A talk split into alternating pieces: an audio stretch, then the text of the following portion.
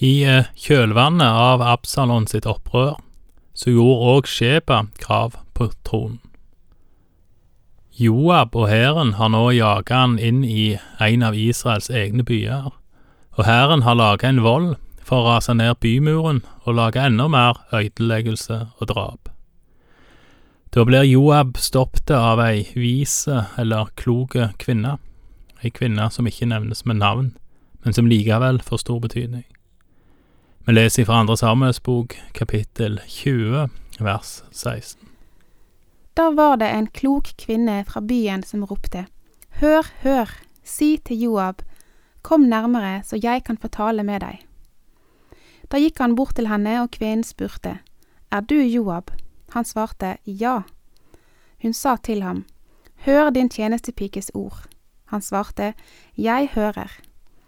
Da sa hun, Før pleide folk å si, En skal spørre seg for i Abel, og så er saken avgjort. Jeg er en av de fredsommelige og trofaste i Israel. Du søker å ødelegge en by, en mor i Israel. Hvorfor vil du tilintetgjøre Herrens arv? Abel, som betyr eng, er kortversjonen av bynavnet Abel Bet Maaka, byen der Sheba hadde forskansa seg, og der Joab og hæren hadde tenkt å angripe. Det kvinna vel sier, er at saken kan avgjøres internt i byen, av byens folk, uten at Joab trenger å angripe og tilintetgjøre Herrens arv eller Herrens by, sånn som kvinna uttrykker det. Så kommer svaret ifra Joab i vers 20. Da svarte Joab og sa, Det være langt, langt fra meg at jeg skulle tilintetgjøre eller ødelegge. Det har seg ikke slik. Men en mann fra Efraimfjellet som heter Sheba, sønn av Bikri, har løftet sin hånd mot kongen, mot David. La meg bare få ham, så skal jeg dra bort fra byen. Da sa kvinnen til Joab, Hans hode skal bli kastet ut til deg over muren. Så gikk kvinnen med sitt kloke råd til alt folket. De hogg hodet av Sheba, Bikris sønn, og kastet det ut til Joab. Da blåste han i hornet, og de dro bort fra byen og spredte seg hver mann til sitt hjem. Og Joab vendte tilbake til Jerusalem, til kongen. Den eh, kloke kvinna fikk rett. Folket i Abel fulgte hennes råd om å gi Joab det han ba om, uten at Joab og hæren reiv byporten. Sheba opplevde vel neppe rådet som særlig klokt, men han hadde på si side satt folk i Abel i en posisjon de neppe ønskte å være i. Kvinner sin løsning var at ett liv skulle ofres, mens mange blei spart. Et liv Sheba, som hadde sett seg opp mot kongen, han fikk si straff og blei halshogga. Joab, han har da fått det han kom for, han blåser i hornet og oppløser hæren, før han vender tilbake igjen til Jerusalem og til kong David. Kapittel 20 slutter med ei opplisting av Davids fremste tjenere. Der nevnes Joab først. Vi leser videre fra vers 23. Joab var høvding over hele Israels hær, og Benaja, sønn av Jojada, var høvding over livvakten. Adoram hadde oppsyn med dem som gjorde pliktarbeid. Josjafat, sønn av Akilud, var historieskriver. Sheva var statsskriver, og Sadok og Abiatar var prester. Jaritten Ira var også prest hos David. Joab er den av disse som klart nevnes mest. Prestene Sadok og Abiatar nevnes òg en del ganger. Men denne opplistinga av Davids fremste tjenere blir som en overgang imellom borgerkrigen innad i Israel, en borgerkrig som Absalon starta, og som slutter med at eh, Joab tar Shebas hode med seg tilbake igjen til Jerusalem. Nå hersker der fred innad i riket, iallfall så noenlunde, men de har problemer med både hungersnød og ytre fiender som snart kommer. Vi leser ifra Andre Samuels kapittel 21, vers 1. I Davids tid var det en gang en hungersnød som varte i tre år etter hverandre. Da søkte David Herrens åsyn, og Herren svarte. Det er fordi det hviler blodskyld på Saul og hans hus, siden han drepte gibeonittene.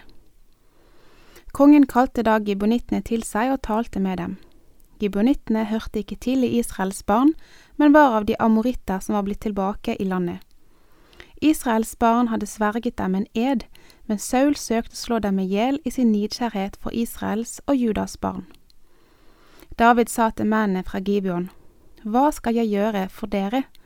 Hvordan kan jeg sone det som er gjort, så dere kan velsigne Herrens arv? Gibeonittene svarte, Vi krever ikke sølv eller gull hos Saul og hans hus, og vi har ikke rett til å drepe noen mann i Israel. Han sa, Det dere krever, vil jeg gjøre for dere. De sa til kongen, Den mannen som ødela oss, og som hadde satt seg fore og utrydde oss, så det ikke skulle finnes noen igjen av oss i hele Israels land, la oss få sju menn av etterkommerne hans, så vil vi henge dem opp for Herren i Gibea, hvor Saul, Herrens utvalgte, hørte hjemme. Kongen svarte, Jeg skal gi dem til dere.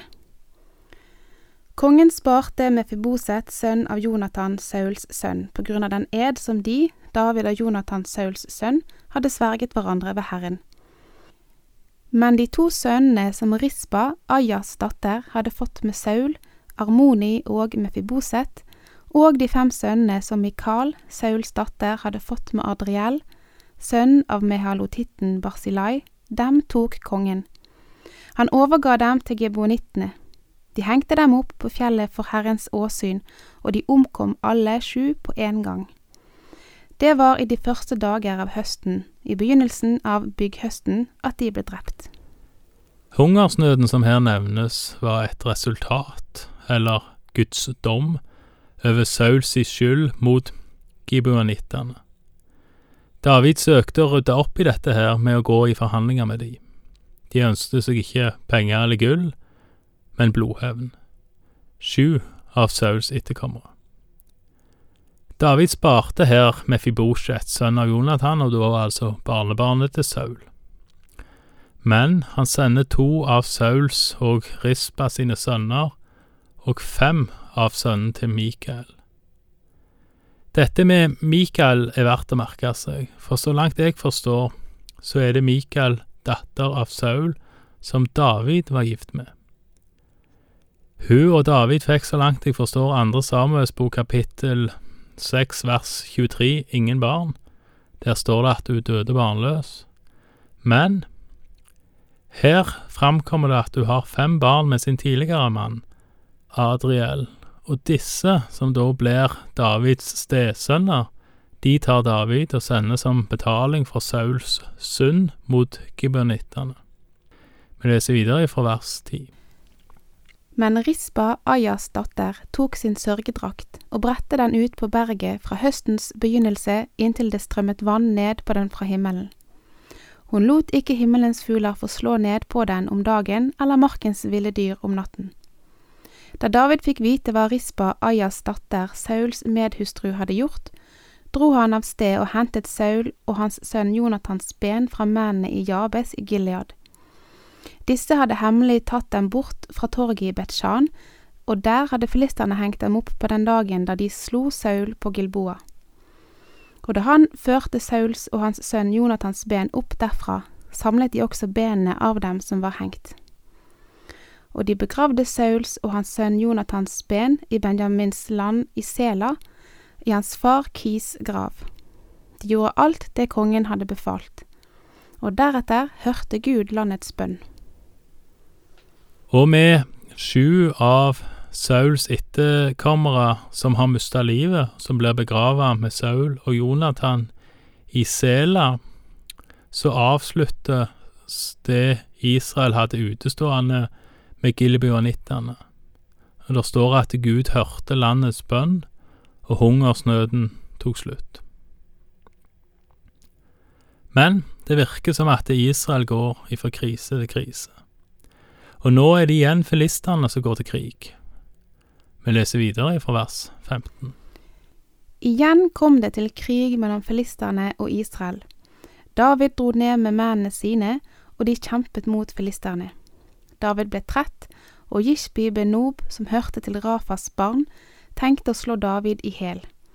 Han hadde en lanse som veide 300 sekel kobber, og han bar et nytt sverd. Men Abishai, Serujas sønn, kom David til hjelp. Han slo filisteren og drepte ham. Da sverget Davids menn og sa til ham, Du skal ikke mer dra ut med oss i striden, for du må ikke slukke Israels lys. Siden ble det igjen strid med filisterne. Det var ved Gob. Da felte husatitten Sibekai en mann som het Saf, og som hørte til Rafas barn. Enda en gang ble det strid med filisterne ved Gob, og Betlehem midten, Elahanan, sønn av Jare Rogim, slo gititten Goliat, som hadde et spyd med et skaft som en vevbom. Enda en gang kom det til strid ved Gat. Der var en høyvoksen mann som hadde seks fingre på hver hånd og seks tær på hver fot, i alt 24 fingre og tær. Han var også en etterkommer av Rafa. Han hånet Israel, men Jonathan, sønn av Davids bror Shimea, hogg ham ned. Disse fire var etterkommere av Rafa i Gat, og de falt for Davids og hans menns hånd. David han har nå kjempa mot filistene siden han var ung. En av de mest kjente bibelhistoriene er når han dreper Goliat fra nettopp Gat, som nevnes her. Igjen så står filistene ifra Gat opp mot Israel.